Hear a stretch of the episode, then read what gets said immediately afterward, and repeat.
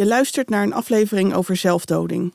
Denk jij aan zelfdoding? Neem 24-7 gratis en anoniem contact op met 123 zelfmoordpreventie via 0800 0113 of chat op 113.nl.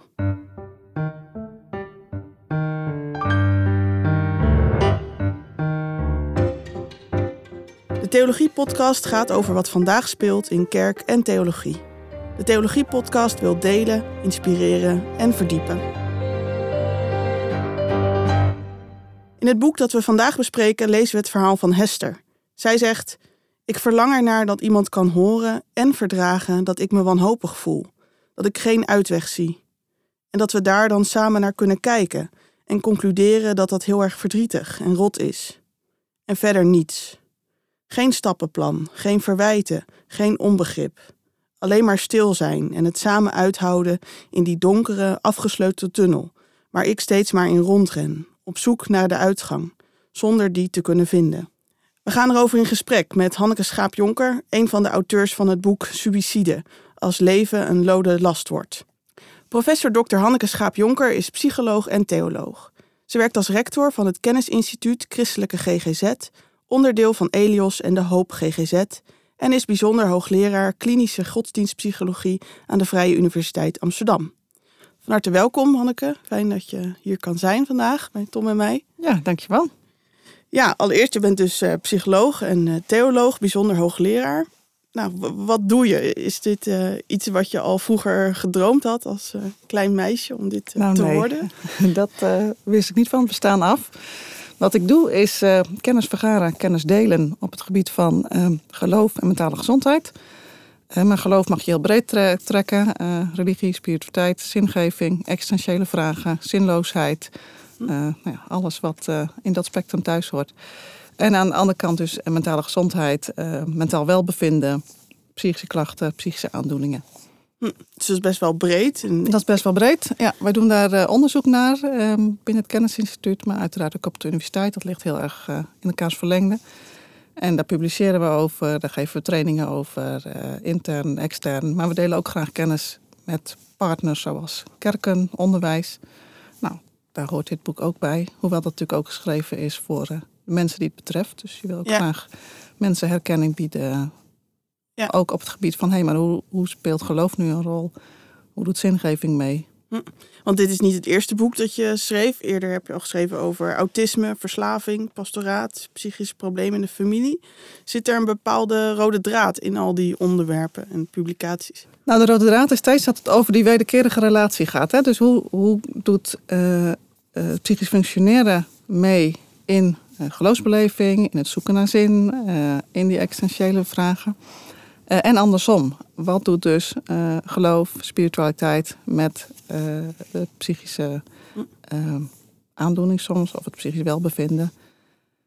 En um, ja, daar zit niet speciaal qua thema's en draad in. Je noemt er nu een aantal. Dat heeft ook te maken met van welke onderzoeken zijn we mee bezig. En binnen het Kennisinstituut is eigenlijk al zo lang als we bestaan. Dat is dit jaar tien jaar. Um, het onderzoek naar religie en suïcide een belangrijke lijn. Matthias Jonkind is daar ja, dik tien jaar geleden al mee begonnen. En, uh, mede-auteur van het boek. Mede-auteur van het boek, ja.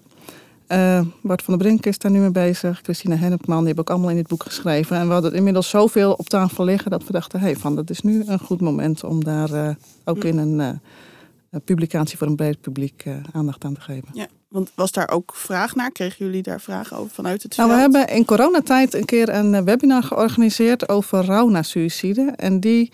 Um, bijeenkomst werd gewoon heel goed ontvangen. Uh, dus dat was ook weer een aanzetje om te denken van... hé, hey, maar hier gaan we meer mee doen. Het was een online bijeenkomst dan, neem ik aan, in coronatijd. Ja, ja. En uh, uh, Jan Belder, dominee Jan Belder, heeft daar toen ook een lezing over pastoraat gehouden. Dat was ook gewoon een heel mooi verhaal. Dus ik dacht van, nou, dit gaan we allemaal bij elkaar brengen en daar een, een boek van maken. Mooi. En in het boek zit niet alleen maar kennis, maar ook veel ervaringsverhalen. En nou, die ervaringsverhalen ja, raakten mijzelf persoonlijk ook best wel. Ook wel, het zijn ook wel heftige verhalen. Mhm. Mm -hmm. um, wat is ook ja, de gemene deler in die ervaringsverhalen? Wat komt vaak terug?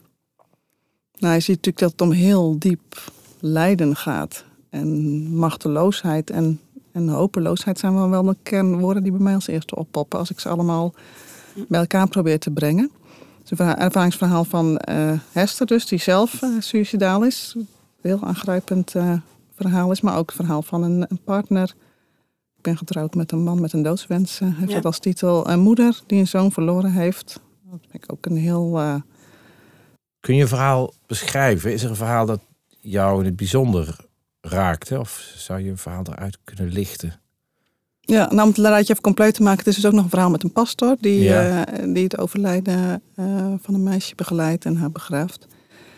Um, ja, mijzelf raakt, raakt het verhaal van Hester erg, maar ook het verhaal van de moeder. Kun je daar iets over vertellen? Um, ja, zij beschrijft hoe, ze, hoe haar zoon een psychotische aandoening heeft, daarmee worstelt. opgenomen is in een kliniek, wegloopt, niet meer terugkomt. En nou, een eind aan zijn eigen leven heeft gemaakt. En het verhaal begint met ja, de politie dat haar, die dat haar komt vertellen terwijl ze lekker in de tuin zit op een zonnige dag. Uh, en dan komt het proces uh, daarna. En ik denk, ja, het, um, wat mij er vooral in raakt, is denk wat ze zegt van je rouwt niet alleen om uh, de dood op dat moment, maar ook de hele lijdensweg die eraan vooraf gegaan is. En ik denk, ja, dat, dat is natuurlijk wat naasten um, betreft, maar ook wat mensen zelf betreft. Het, het is vaak zo'n lange lijdensweg die heel diep gaat en ja, die voor buitenstaanders ook heel moeilijk invoelbaar is. Niet altijd zichtbaar misschien ook is. Dat zeker ook. Dus ik denk dat er heel veel eenzaamheid en, en uh, isolement daaromheen. Nou, dat is ook echt, echt uh, een reden van dit boek om, om daar proberen een opening in te maken. Dat, dat, dat er meer ruimte voor komt om dit soort ervaringen te delen dat zat ook in het verhaal van Hester, was dat volgens mij dat ze zei, nou soms hoop ik maar dat, dat hij het gewoon doet. Dat mijn, of dat mijn man het gewoon... Nee, ja, dat is het verhaal van Elsa, ja. Ja, ja dat mijn man het gewoon doet en al die spanning daaromheen. Ja, en, ja. ja. dus, ja. Ja. dus aan de ene kant zegt zij, dat wat, dat wat ik ook heel mooi vind, van nou, ik hou gewoon van hem, dus ik kan het ook niet uitstaan als mensen, even in mijn woorden, als mensen zeggen van nou, ga toch uit elkaar. Mm. Uh, want ik wil met hem verder. Uh, het is gewoon ook echt een, een uh, leuke en een zorgzame man op zijn goede momenten. Maar tegelijkertijd steeds die dreiging van, uh, ja, zou het misgaan? Uh, ik hoor een ambulance. Het zal toch niet zijn dat hij... Uh, ja, dat je daar soms ook denkt van, nou, laat, als je dan toch... Doe dan maar echt. Dan is het ook klaar, zeg maar. Is het dan ook opluchting? Die, die uiting van, nou, doe, doe het dan maar goed. is natuurlijk aan de ene kant laat, laat dat zien van, nou, deze spanning is haast ondraaglijk. Eigenlijk kan ik dat helemaal niet. Um, de andere kant is natuurlijk ook van, dat wil ze helemaal niet. Want ze zegt ook van ja, het is een, een, een, verschrikkelijk beeld dat je denkt van dat we ooit met de kinderen uh, aan zijn graf staan. Dat, dat, dat, de angst voor verlies is natuurlijk ook heel, uh, heel heftig. Dus dat, daar zit ook heel veel dubbelheid in. En dat, dat um, zie je in het verhaal van Hester natuurlijk ook. Uh, die dus steeds zegt van ja, ik, ik ik voer een gevecht op leven en dood. Dat kenmerkt mijn leven. Het is echt een gevecht om het bed uit te komen. En als ik s'avonds ga slapen, dan heb ik gewoon weer even een paar uur rust. Dat ik niet aan het malen ben. Nou, mijn beste momenten zijn als ik uh, mijn afscheid voorbereid. Als ik bezig ben met brieven aan de kinderen. Maar die krijg ik nooit af. Dus ja, daar zit ook een soort...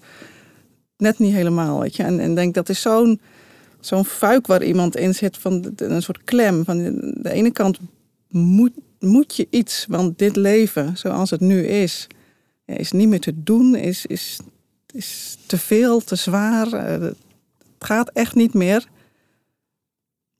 En tegelijkertijd, ja, die, die laatste stap zetten is ook. Eigenlijk wil je dat ergens ook weer net niet. Maar dan moet het nu wel anders. En dat gaat net niet. En dan, dat blijft maar heen en weer gaan. En daar kan iemand ook steeds vaster in komen te zitten en dan ook steeds dichter bij uh, ja, de nooduitgang, zoals Hester dat dan noemt. Ja. dus, dus in die zin denk je, het is ook goed om te beseffen dat um, uh, suïcide, suicidaliteit niet altijd betekent van ik wil dood omdat die dood nu zo fijn is, maar het zegt ook heel veel over het leven en de situatie in het hier en nu. Die is ondraaglijk en die is uitzichtloos. En, ja. Dus meer een, vanuit ik wil het leven niet, dan ik wil de dood wel. Ja, ja zo zou je het kunnen samenvatten, ja. Kijk, en natuurlijk zijn er natuurlijk heel, um, ja. heel veel verschillen tussen mensen. Hè? Dus het is ook altijd een valkuil om heel generalistisch hier even te zeggen hoe het zit. Uh, maar denk dat dat wel in veel gevallen klopt, ja, wat je zegt. En wat kan je als hulpverlener daarin dan betekenen? Nou, een hulpverlener probeert natuurlijk om ehm, eh, ja, mensen weer dichter naar het regen, eh, leven te krijgen. Dus, dus dat die, die doodswens minder wordt en dat mensen minder bezig zijn met uh, die suicidale plannen die ze hebben. Ehm, en wat daarvoor heel belangrijk is, is om verbinding te maken. Dus, dus zeg maar dat isolement ook te verbreken. En te kun je op de een of andere manier contact krijgen. En soms is dat echt heel ingewikkeld, omdat Kun je daar concrete voorbeelden van geven? Want als je zegt verbinding maken en contact leggen, dat zijn natuurlijk algemene begrippen waar iedereen zich wel iets bij kan voorstellen. Ja, dat, klopt. Dat, je, dat zeg je goed. Maar hier ehm, is, is iets heel specifieks aan de hand. Nou, kijk, als iemand zo diep zit, dan, dan ja, kun je zeggen, de luiken zijn ook voor een heel groot deel, deel dicht. Er is een soort blikversmalling. En ehm, dan werkt het niet als een hulpverlening. Van nou, we gaan het dus zo eens even aanpakken en dan, uh, dan komt het wel weer goed. Zo werkt dat niet. Dus je probeert contact te krijgen op die wanhoop van mensen. Dat ze zich daarin uh, gekend weten en gezien weten. Nou, dat is eigenlijk ook waar jij, dat citaat wat jij net las, past daar heel goed bij. Um, ik denk ook dat dat niet alleen voor hulpverleners geldt, maar ook voor de omgeving, ook voor een kerkelijke omgeving. Uh, kun, je, kun je dat zien? Kun je daar empathisch mee zijn? Kun je het samen uithouden in die donkere tunnel zonder dat je direct gaat oplossen? Maar ja, begin is met um, het samen, zeg maar, in plaats van het alleen. En wat is het dan? Begin eens met het samen. Want ik denk dan toch, zonder in de oplossingsstand te willen schieten, hoe ziet dat er dan concreet uit? Dat hangt natuurlijk af van welke verantwoordelijkheid je hebt. Um, als ik een persoonlijk voorbeeld mag geven, denk ik voor mij is het, is het als ik met iemand oploop die suicidaal is, is het vaak um, hoe is het nu met je? En dat, dat vasthouden, zeg maar. Dus zorg dat ik steeds contact hou, dat ik niet een week lang uh, buiten beeld ben. Want er kan heel veel gebeuren op een dag al, laat staan in een week. Um, en dat betekent dus, het, alles is goed wat jij kwijt wilt. Als je zegt, ik kan, kan nu even niks zeggen, is het ook oké. maar ik blijf, blijf wel bij je. En het, het, het is, uh, ja, we, zoeken steeds opnieuw uh, nou, dat we bellen of appen. Um, en ook vanuit het idee, het hoeft niet opgelost. Dus uh, we kunnen het erover hebben en we kunnen inderdaad zeggen, nou dit is gewoon heel verdrietig en heel rot. En nou, soms is het de ene dag ietsje beter dan de andere dag. Um, en soms is het, het gaat nu echt niet meer. En uh, dan zeg ik, oké, wat ga je dan de komende uren doen? En laat je vanavond nog even iets van je horen. Anders weet ik dat ik nog even wat andere mensen in moet schakelen. Um, maar dat, dat betekent dus dat, dat, dat je dat isolement probeert te doorbreken op de een of andere manier. En dat weten we ook vanuit een theoretisch perspectief, dat, dat suicidaliteit te maken heeft met een hele zware ervaren last. Ook het gevoel anderen tot last te zijn. Uh, maar ook het gevoel alleen ervoor te staan. Nou en als je dat dan samenbrengt en je bent ook in staat om daadwerkelijk een eind um, aan je leven te maken, ja, dan doen mensen dus een poging. En maar wat, wat, wat je dus probeert is om zeg maar, het gevoel van je bent een last voor anderen. Om te laten merken van oké, maar het is heel zwaar. Maar dit is ook niet wat jij het liefste wilt. Je hebt ook niet om gevraagd dat jouw leven gegaan is zoals het nu is. Dus in die zin is dat oké. Het mag erover gaan. Het hoeft niet weggeduwd. Uh, het hoeft niet alleen. Ja, en nogmaals, dat, dat, is geen oplossing. Maar het is wel dat je denkt van... Nou, een soort basis. Dat het daarmee... Ja, een basis is misschien al een positief woord. Het kan echt heel geïsoleerd zijn voor mensen. Dus... Het klinkt ook zwaar voor de omgeving probeer me dat dan voor te stellen. Van ik bel je straks weer. Ik bedoel, je bent voortdurend ook aan het aftasten van welke ruimte is er. Doe ik het wel goed?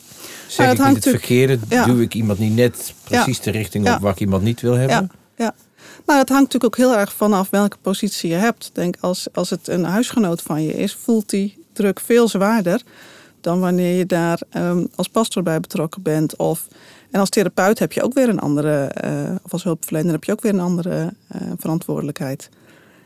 Um, dus dus die, zit, die zit daar zeker en die wordt ook echt gevoeld. En, en dat is ook bijvoorbeeld als je zegt over de omgeving. Uh, de reden dat we ook echt expliciet dat hoofdstuk over naasten hebben opgenomen in het boek.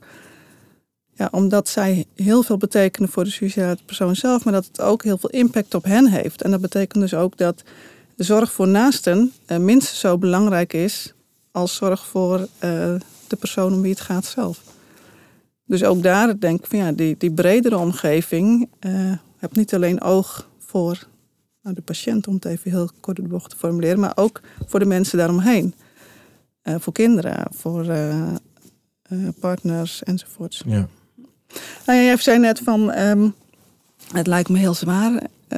ik had eerder deze week een interview met een collega samen en die noemde een voorbeeld van een moeder die zei van, ja, tegen een dochter, ik, ik begrijp het wel dat je dood wilt het is absoluut wat ik niet wil, maar ik begrijp het wel. En denk, ja, dan, dan merk je dus dat die last die de dochter in dit geval ervaart, gezien wordt en gevoeld wordt ook door moeder. En uh, nou ja, dat, dat dat dus ook iets van ja, die verbinding is. Niet het oordeel en van hoe kom je hier nou toch bij enzovoorts, maar juist van ik, ik begrijp het wel.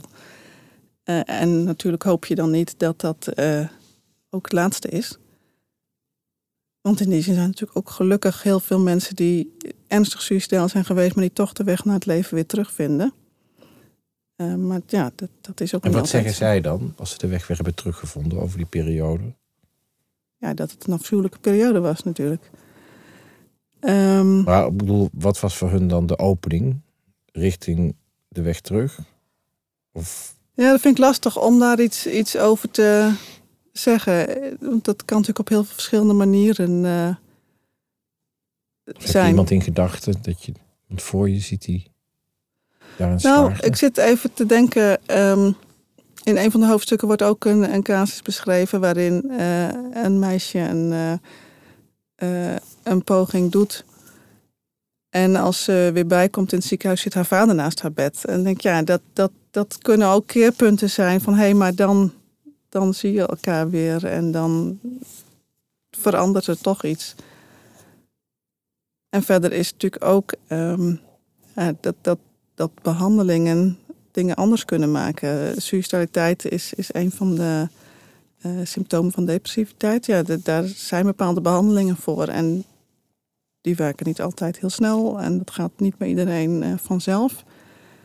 En wat we bijvoorbeeld in een van onze uh, laatste studies hebben gezien, van dat als we mensen 15 maanden volgen, dat over die periode gemiddeld genomen de depressiviteit afneemt. De suicidaliteit gaat dan ook uh, ja, parallel daaraan omlaag. En uh, ja, ook de verlatenheid die mensen in relatie tot God ervaren in die depressieve en suicidale periode wordt ook minder. En ja, dat, die geloofsbeleving krijgt weer wat meer positieve kleur.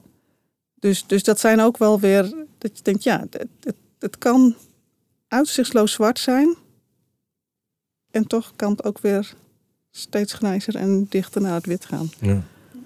Want je zegt enerzijds is het dus belangrijk, zo'n moeder zegt tegen haar dochter, ik begrijp het, die gaat naast haar staan. En anderzijds schrijft het bijvoorbeeld ook in het boek dat uh, als suicidaliteit gezien wordt als moreel fout, mhm. dat dat dan ook, dat er mensen minder snel uh, ja, zelfmoord zullen plegen. Ja, dat klopt, ja. ja. Hoe, hoe zie je dat? Ja, ja het lijkt soort tegengesteld. Iets nou, het een hoeft het ander niet uit te sluiten. Hè. Dat ik zelfs een moeder kan zeggen van... het is natuurlijk nooit de bedoeling dat je je leven op zo'n manier beëindigt. En toch begrijp ik het wel. Dat, dat kan naast elkaar staan. Maar de toon die de muziek maakt, uh, is daar wel heel erg van belang.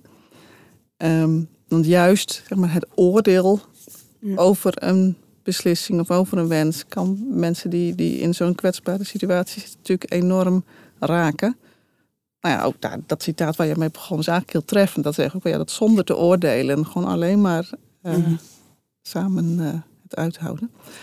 Als het gaat over die, die morele bezwaren, zoals we dat noemen, dat is inderdaad wel een, um, een interessant punt vanuit onderzoeksperspectief. Uh, wij zijn dit onderzoek eigenlijk begonnen met de vraag van welke aspecten van geloof spelen nou een rol als het gaat om suicidaliteit. In de GGZ heb je de richtlijn, uh, de multi, multi, multidisciplinaire richtlijn suicidaal gedrag. Daarin staan twee korte zinnetjes, namelijk uh, nou, geloofsbeschermende factor, het actief betrokken zijn bij een uh, religieuze gemeenschap is beschermend en twee verwijzingen naar de Amerikaanse studies. Maar wat is dat dan? Mm wat beschermt, welke aspect beschermt dan en wanneer dan? Bij wie? Wanneer niet? Daar kun je natuurlijk veel meer over zeggen. En wat, wat blijkt eigenlijk ook uit het geheel van de literatuur, is dat die morele bezwaren van, uh, tegen suïcide um, de belangrijkste beschermende factor zijn. Dus, dus dat het niet mag van God. Uh, dat speelt in alle monotheïstische religies uh, een rol. dat, dat maakt uit. Dus, dus... Dat weerhoudt mensen om suïcide te plegen, zeg je? Ja, ja. ja. Dus als je naar die grote epidemiologische studies kijkt, ook wereldwijd, zie je dat, dat bijvoorbeeld gelovigen ja, um, 80% minder uh, suïcide pleegt. Dus tegenover elke suïcide onder gelovigen staan er vijf bij ongelovigen, als ik de rekensom nou allemaal goed maak. Maar het zit ongeveer in die orde van grootte. Um, en wat hangt daar nog meer mee samen dan? Waarom is dat bij nou ja, dus, dus die, die morele bezwaren zijn eigenlijk een soort beschermend eh, hekje. Um, wat wij ook gezien hebben, is dat uh, het godsbeeld van mensen een belangrijke rol speelt. Dus als je positief en steunend uh, godsbeeld hebt, gaat dat samen met minder uh, suicidaliteit. Wat betekent dat? Positief dus, ja, godsbeeld? Positieve gevoelens in relatie tot God. Een liefdevolle God ten opzichte van een soort. Ja, dus de keerzijde is meer de, de negatief afwezige God. Dus je hoeft niet per se dat wraakzuchtig, maar meer de God die, die toch niet naar je omkijkt, die je in de steek laat. En ja. Waardoor je dus verlaten voelt, angstig, boos, teleurgesteld. En het is niet zo en dat... dat laatste gaat dus samen met meer suicidaliteit. Nou ja, ik zit ook te denken... Er is dus dat beschermende hekje, zeg je. Geloof ja. geeft bescherming, dat je het niet doet. Maar dan stel ik me zo voor dat je dan denkt... ik doe het niet, want het mag niet van God. En als ik het wel doe, heb ik straks een boze God Klopt. aan, dus, mijn, aan mijn voordeur. Dus daarom doe ik het niet. En dan heb je dus een negatief godsbeeld. Of zie ik dat Dus dat, dat, dat, ik was nog niet helemaal klaar inderdaad. Dus, dus je hebt inderdaad dat... dat um, uh, de angst voor veroordeling door God of de angst voor uh, de hel, uh, de eeuwige veroordeling door God, kan, kan ook een rol spelen die dus weerhoudt. Maar is dat dan beschermend? Of oh, is ja, je dat blijft dan... er wel langer door leven, even plat gezegd.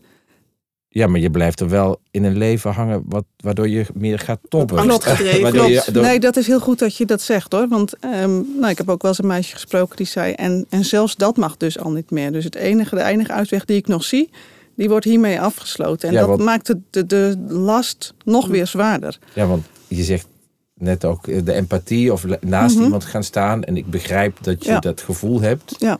Eh, maar als dat, ja, Ja. dat, dat godsbeeld hoort er dan ook bij. Klopt, want als God mensen zeggen, God. God begrijpt het wel, wordt het ook een ander verhaal. Ja. En dan wordt de drempel juist lager. Ja. Ja, dus er zitten heel veel verschillende factoren. En dat was dus precies de reden dat ik, ja, daar hebben we meer zicht op nodig. Want je kunt niet in zijn algemeenheid zeggen, betrokkenheid bij een religieuze gemeenschap helpt. Tuurlijk, wereldwijd genomen wel, maar dan weten we veel, of, of, of op in grote gemiddelden wel. Maar dan weten we nog te weinig over nou, subgroepen. eh, Ja, want betrokkenheid bij, om het plat te zeggen, betrokkenheid bij de tennisvereniging zou ook kunnen helpen, omdat je dan een groep mensen om je heen hebt staan. Of is dat anders? Ja, nou als de sociale factor dus van belang zou zijn, wel. Dat, en dat, aan de ene kant is dat dus ook zo. Ehm, dus je ziet ook dat andere eh, sociale factoren daarin een rol spelen. Onverbondenheid, sociale isolatie is ook een risicofactor voor suicidaliteit. Ehm, toch zien we in het, in het religieonderzoek ehm, dat die sociale factor minder van belang is. Dus dan zit het meer op de overtuigingen en op de, eh, de relatie met God dan op die sociale component. Maar ja, je kunt je natuurlijk ook afvragen in hoeverre dat allemaal los verkrijgbaar is. En de figuur van Jezus, die natuurlijk, ik bedoel, ik zie Jezus altijd als een soort ultieme pastor. Komt die Mhm. ook ergens in terug? In... Ik ken geen enkele vragenlijst die op dit onderzoeksgebied gaat waarin Jezus genoemd wordt. Is dat Oh. erg? Nee, maar ik, ik stel me ineens zo, ik bedoel, het Ja. gaat over het godsbeeld. Maar ik kan me Mhm. voorstellen, Jezus is Ja. natuurlijk altijd heel erg betrokken bij Ja. de enkeling. Ja, ja. Mhm. Ja, dus dan, dan in, in persoonlijke ervaringen is dat natuurlijk zeker, eh, zeker zo. Misschien voor nieuw onderzoek, het Jezusbeeld. Het Jezusbeeld. Ja. ja. Ja, Maar ook bijvoorbeeld. Nou, je weet niet, hè, dus als je mensen vraagt naar het gevoelsrelatie tot God, in hoeverre ze God en Jezus onderscheiden. Of misschien denken ze juist wel aan Jezus. Je mag daar ook vaak je eigen.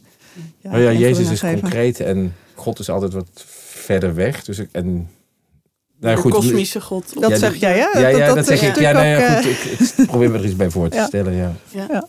Want begrippen als schuld en zonde komen ook wel terug in die ervaringsverhalen. mhm. Zijn er ook ja, dingen die specifiek zijn voor meer de Calvinistische traditie rond suicidaliteit? Hmm, ik weet niet of dat zo, zo hoeft te zijn. Ik denk dat, dat zou ik niet per definitie durven zeggen. Natuurlijk als je naar de Calvinistische tra- traditie kijkt... Uh, maar dat geldt eigenlijk ook voor de, voor de Rooms-Katholieke traditie bijvoorbeeld. Dan is, is of suicide, um, dat is wat anders dan suicidaliteit. Maar suicide is wel uh, door de kerk als zonde gezien. Dat begint eigenlijk al bij Augustinus en dat, dat loopt heel lang door. Um, dus dat, dat zonde en schuld, die, die kant zit daar zeker aan. Uh, ook ergens wel interessant, want een overheid gaat meer op de, op de, de criminele kant zitten, de moord. Uh, de juridische. Juridisch, ja. Uh, ook wel, wel apart soms als je dat dan nu leest, van hoe in de middeleeuwen iemand ook nog straf kon krijgen na een zelfmoord, want je had een moord begaan. Dus dan kreeg je postuum nog een veroordeling en een bestraffing. Oh ja, en tot hoe lang? In de middeleeuwen dat, was dat Middeleeuwen, ja. En dan, dus, dus je bezittingen werden verbeurd verklaard en, uh, en het land van je familie werd afgenomen. En dat is ook een soort pedagogisch motief, een soort afschrikking. Dit moeten we niet hebben. En maar goed, de kerk kiest dus meer de kant van, van, de, van de zonde. Zonde tegen God, zonde tegen je naaste, zonde tegen jezelf. Dus daar zit die schuld inderdaad uh, in mee. Tegelijkertijd zie je ook wel die ontwikkeling dat die...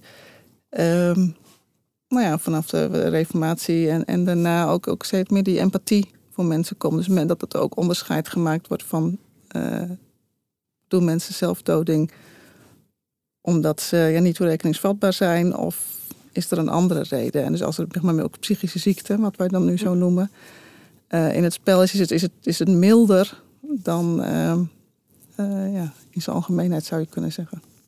Ja, want daar zit ook een hoofdstuk over in het boek met een hele geschiedenis door de eeuwen heen. Ja, ja. Um, en als je nu vraagt van doet uh, het, het, het, het, het Calvinistische nadruk over op schuld mee, ah, dat kun je ook in zijn algemeenheid niet zeggen. Dus het is niet zo dat orthodoxe protestanten vaker depressief zijn dan uh, andere gelovigen. De, de cijfers laten dat niet zien.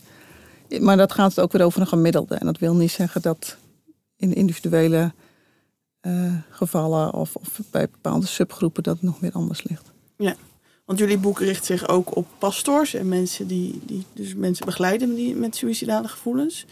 Uh, heb je bepaalde adviezen, bepaalde dingen die je wel of misschien juist niet zou moeten doen als pastor?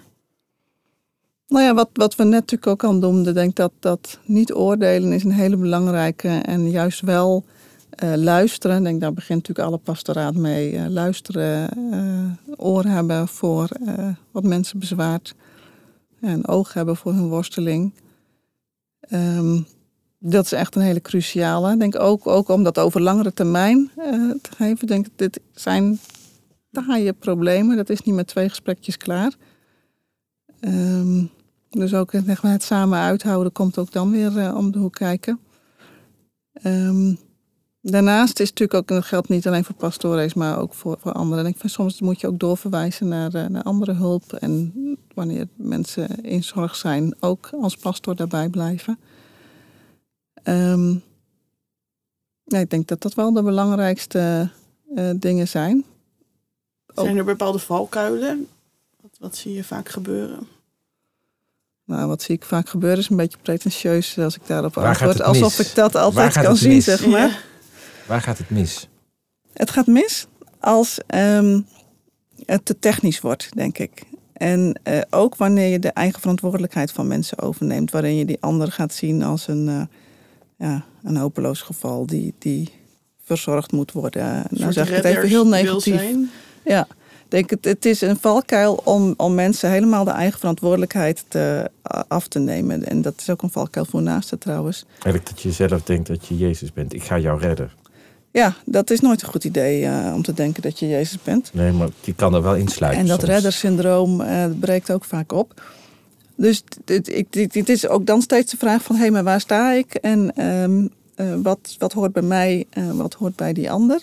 Kijk, er zijn ook uitzonderingen. Even voor de helderheid. Op het moment dat, dat het echt gevaarlijk wordt voor mensen... dat je een afscheidsbrief vindt of dat iemand zegt, nou, is de laatste keer dat we elkaar spreken, morgen om 12 uur, dan spring ik voor de trein. Ja, dan, dan moet je niet denken, oké, eigen verantwoordelijkheid, maar dan is het echt zaak om uh, nou, de huisarts of de crisisdienst te bellen. Dat, of, of 112 als het nog acuter is.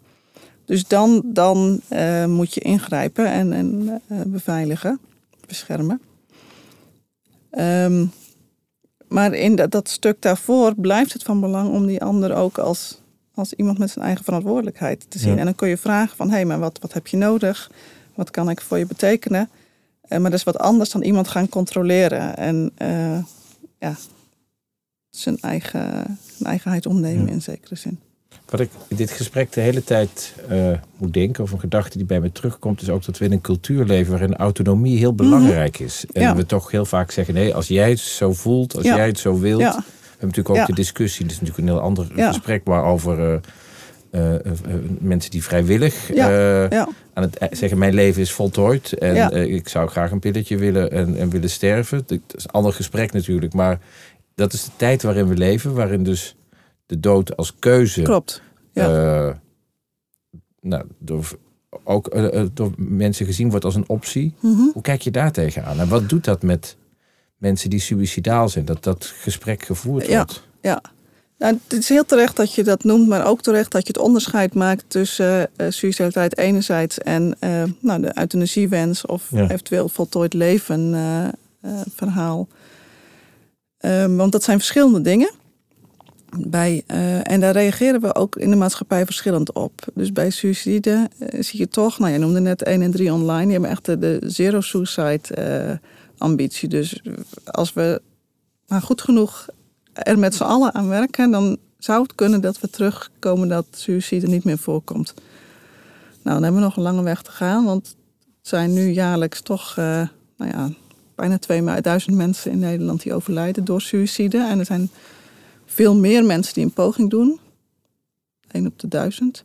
Dus dat zijn er gewoon echt heel veel. Ik bedoel, kijk even in je eigen woonplaats hoeveel dat er zijn. En dan heb je ook nog de mensen die eh suïcidale gedachten hebben. En daar, eh, zonder dat ze daar daadwerkelijk een poging doen. Maar die daar wel uren per dag over kunnen piekeren. Dus, dus het is allemaal niet zo gemakkelijk dat we bij die nul zijn.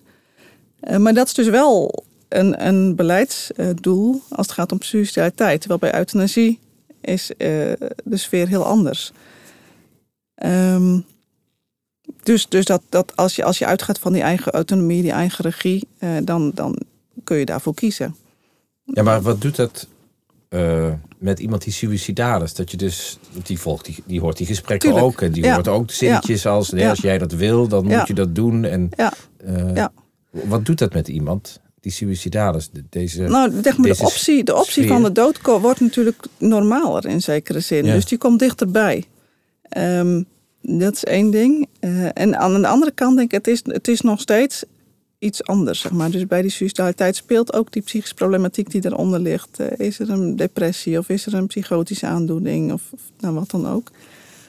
Ehm, maar die, die, die sfeer in de maatschappij is wel degelijk van belang. En ook, eh, ja, wij zeggen vaak mentale problemen zijn interactieproblemen. Dus interacties binnen mensen, maar ook tussen mensen. Dus nou ja, als eh, ouderen en kinderen een hele beroerde relatie hebben, doet dat iets met eh, mentale gezondheid. Maar dus ook ehm, ja, met, met de sociale omgeving, met instituties, met beleid, eh, met cultuur, met maatschappelijke ontwikkeling. Dat speelt allemaal mee in ehm, die mentale gezondheid. En eh, dat betekent bijvoorbeeld ook dat de manier waarop wij de GGZ georganiseerd hebben, ik, ik, eh, ook, ook meedoet. En ik las gisteren een column van Esther van Venema, Medisch Contact, die zegt als mensen twee jaar op de wachtlijst moeten staan voordat ze een passende behandeling krijgen voor ernstige psychische problematiek, nou, waar suicidaliteit heel gemakkelijk een rol in kan spelen, ja, dan is dat die twee jaar niet te doen. Dus dan maar richting de levenseindekliniek. Ja, dus, dus het raakt elkaar wel. Het is niet hetzelfde, maar het, het beïnvloedt elkaar wel. Ja. En je ziet dus ook dat nou, financiële keuzes eh, daarin een rol spelen. Maar ook, eh, nou ja, wat je terecht zegt, dat autonome eh, denken eh, in, het maatschappelijk klimaat, ook het, neoliberale denken. Ja, je bent verantwoordelijk voor je eigen succes. Dus eh, ja, ook voor je zit eigen jij ondergang. in je, Ja. eigen, in je Ja. eigen wanhoop, diep in de put, eh, ja, dan ben je een loser. Dat, dat is de implicatie. Dus, dus zeg maar, die, daar zit ook een maatschappelijke veroordeling in. Je hebt gewoon de boot gemist. En het, en ik denk, ja, Wonderlijk eigenlijk, hè? dat je dus ook een seculiere veroordeling hebt daarmee van ja, ja, suïcide. ja. Of suicidaliteit, Ja. moet ik zeggen. En ik zou dus ehm, denken op ja, dat, dat narratief op het autonome zelf, dat kraakt en knast aan alle kanten. Dus het is veel ehm, passender, denk ik, om te denken van nou, door mensen als relationele wezens. Natuurlijk met een bepaalde eigenheid. Dus autonomie en individualiteit heb je nodig. Je moet zelf iemand zijn om je ook op een gezonde manier te kunnen verhouden tot anderen. Uh, maar wel die balans, ook die anderen om je heen. En uh, ik denk ja, dat daar ik hoop ook dat de wal het schip gaat keren. Dat met het oog voor de warme gemeenschappen, niet de verstikkende, maar echt het, ja, de zorgzame gemeenschappen waarin oog is voor elkaar, uh, nou, ook voor degene die lijden, um, in hun eigenheid. Ja, dat dat een nieuwe manier van kijken gaat worden, een nieuwe manier van leven. Dus ik word niet zo heel blij van dat autonome discours. Nou, in jullie boek kan daar misschien juist een soort tegengeluid in zijn. Ja, nou ja, je, als, als iemand dus helemaal verantwoordelijk is voor zichzelf, um, ja, dan laat je hem dus ook in de steek. En juist van in de, dan, dan komt hij in een isolement terecht en dat, dat is juist een hele belangrijke risicofactor uh, voor suïcide. Ja. En dat is heel, heel kort alles achter elkaar geknoopt, maar mm. zo zou je het wel kunnen zeggen. Ja. Het zit natuurlijk wel wat genuanceerder in elkaar. Ja, het is een complex onderwerp. Er valt nog veel meer over te zeggen, maar we gaan alweer richting een uh, afronding. Wat hoop je dat dit boek gaat brengen? Nou, ik hoop dat het openheid gaat brengen. Want ik denk dat er heel veel achter de voordeur in stilte wordt geleden wat mensen van elkaar niet, uh, niet weten. En dat kan uh, zijn dat dat geldt voor de persoon die zelf suicidaal is, maar ook voor de omgeving, die er soms ook weinig over durft te delen. Dat je denkt, ja, dat uh, anderen zullen mijn geliefde als, als gek zien, zien een stigma op. Dus ik zeg maar niks. Er is ook schaamte die daarin een rol kan spelen. En ik hoop echt dat daar openheid komt, dat mensen dat wel durven gaan delen. En dan ook een, ja, een warme reactie een empathische reactie krijg van, joh, erg voor je. En uh, vertel eens, ik, ik, luister graag naar je. En ik denk, ja, in die zin zou het zelfs nog kunnen dat als mensen daar geen taal voor hebben, dat ze zeggen, nou, dit boek, ja, dat gaat ook over mij. En ja, dat dat ook op die manier een manier is uh, waarin die eenzaamheid doorbroken kan worden. Ja, mooi. Nou, dat hoop ik ook. Bedankt voor het gesprek. Bedankt Tom. En het boek Suïcide als leven een lode last wordt is nu voor 18,99 euro verkrijgbaar bij de lokale boekhandel en via boekenwereld.com. Wil je meer lezen over pastoraat en suïcide? Ga dan naar theologie.nl/slash suïcide. Op deze pagina hebben we een groot aantal actuele artikelen over dit thema bij elkaar geplaatst. Deze podcast is onderdeel van het platform theologie.nl. Een paar duizend theologische blogs, honderden theologische boekrecensies en duizenden theologische artikelen staan voor je klaar om te lezen. Je luisterde naar een aflevering over zelfdoding. Denk jij aan zelfdoding? Neem 24/7 gratis en anoniem contact op met 113 zelfmoordpreventie via 0800 0113 of chat op www.113.nl.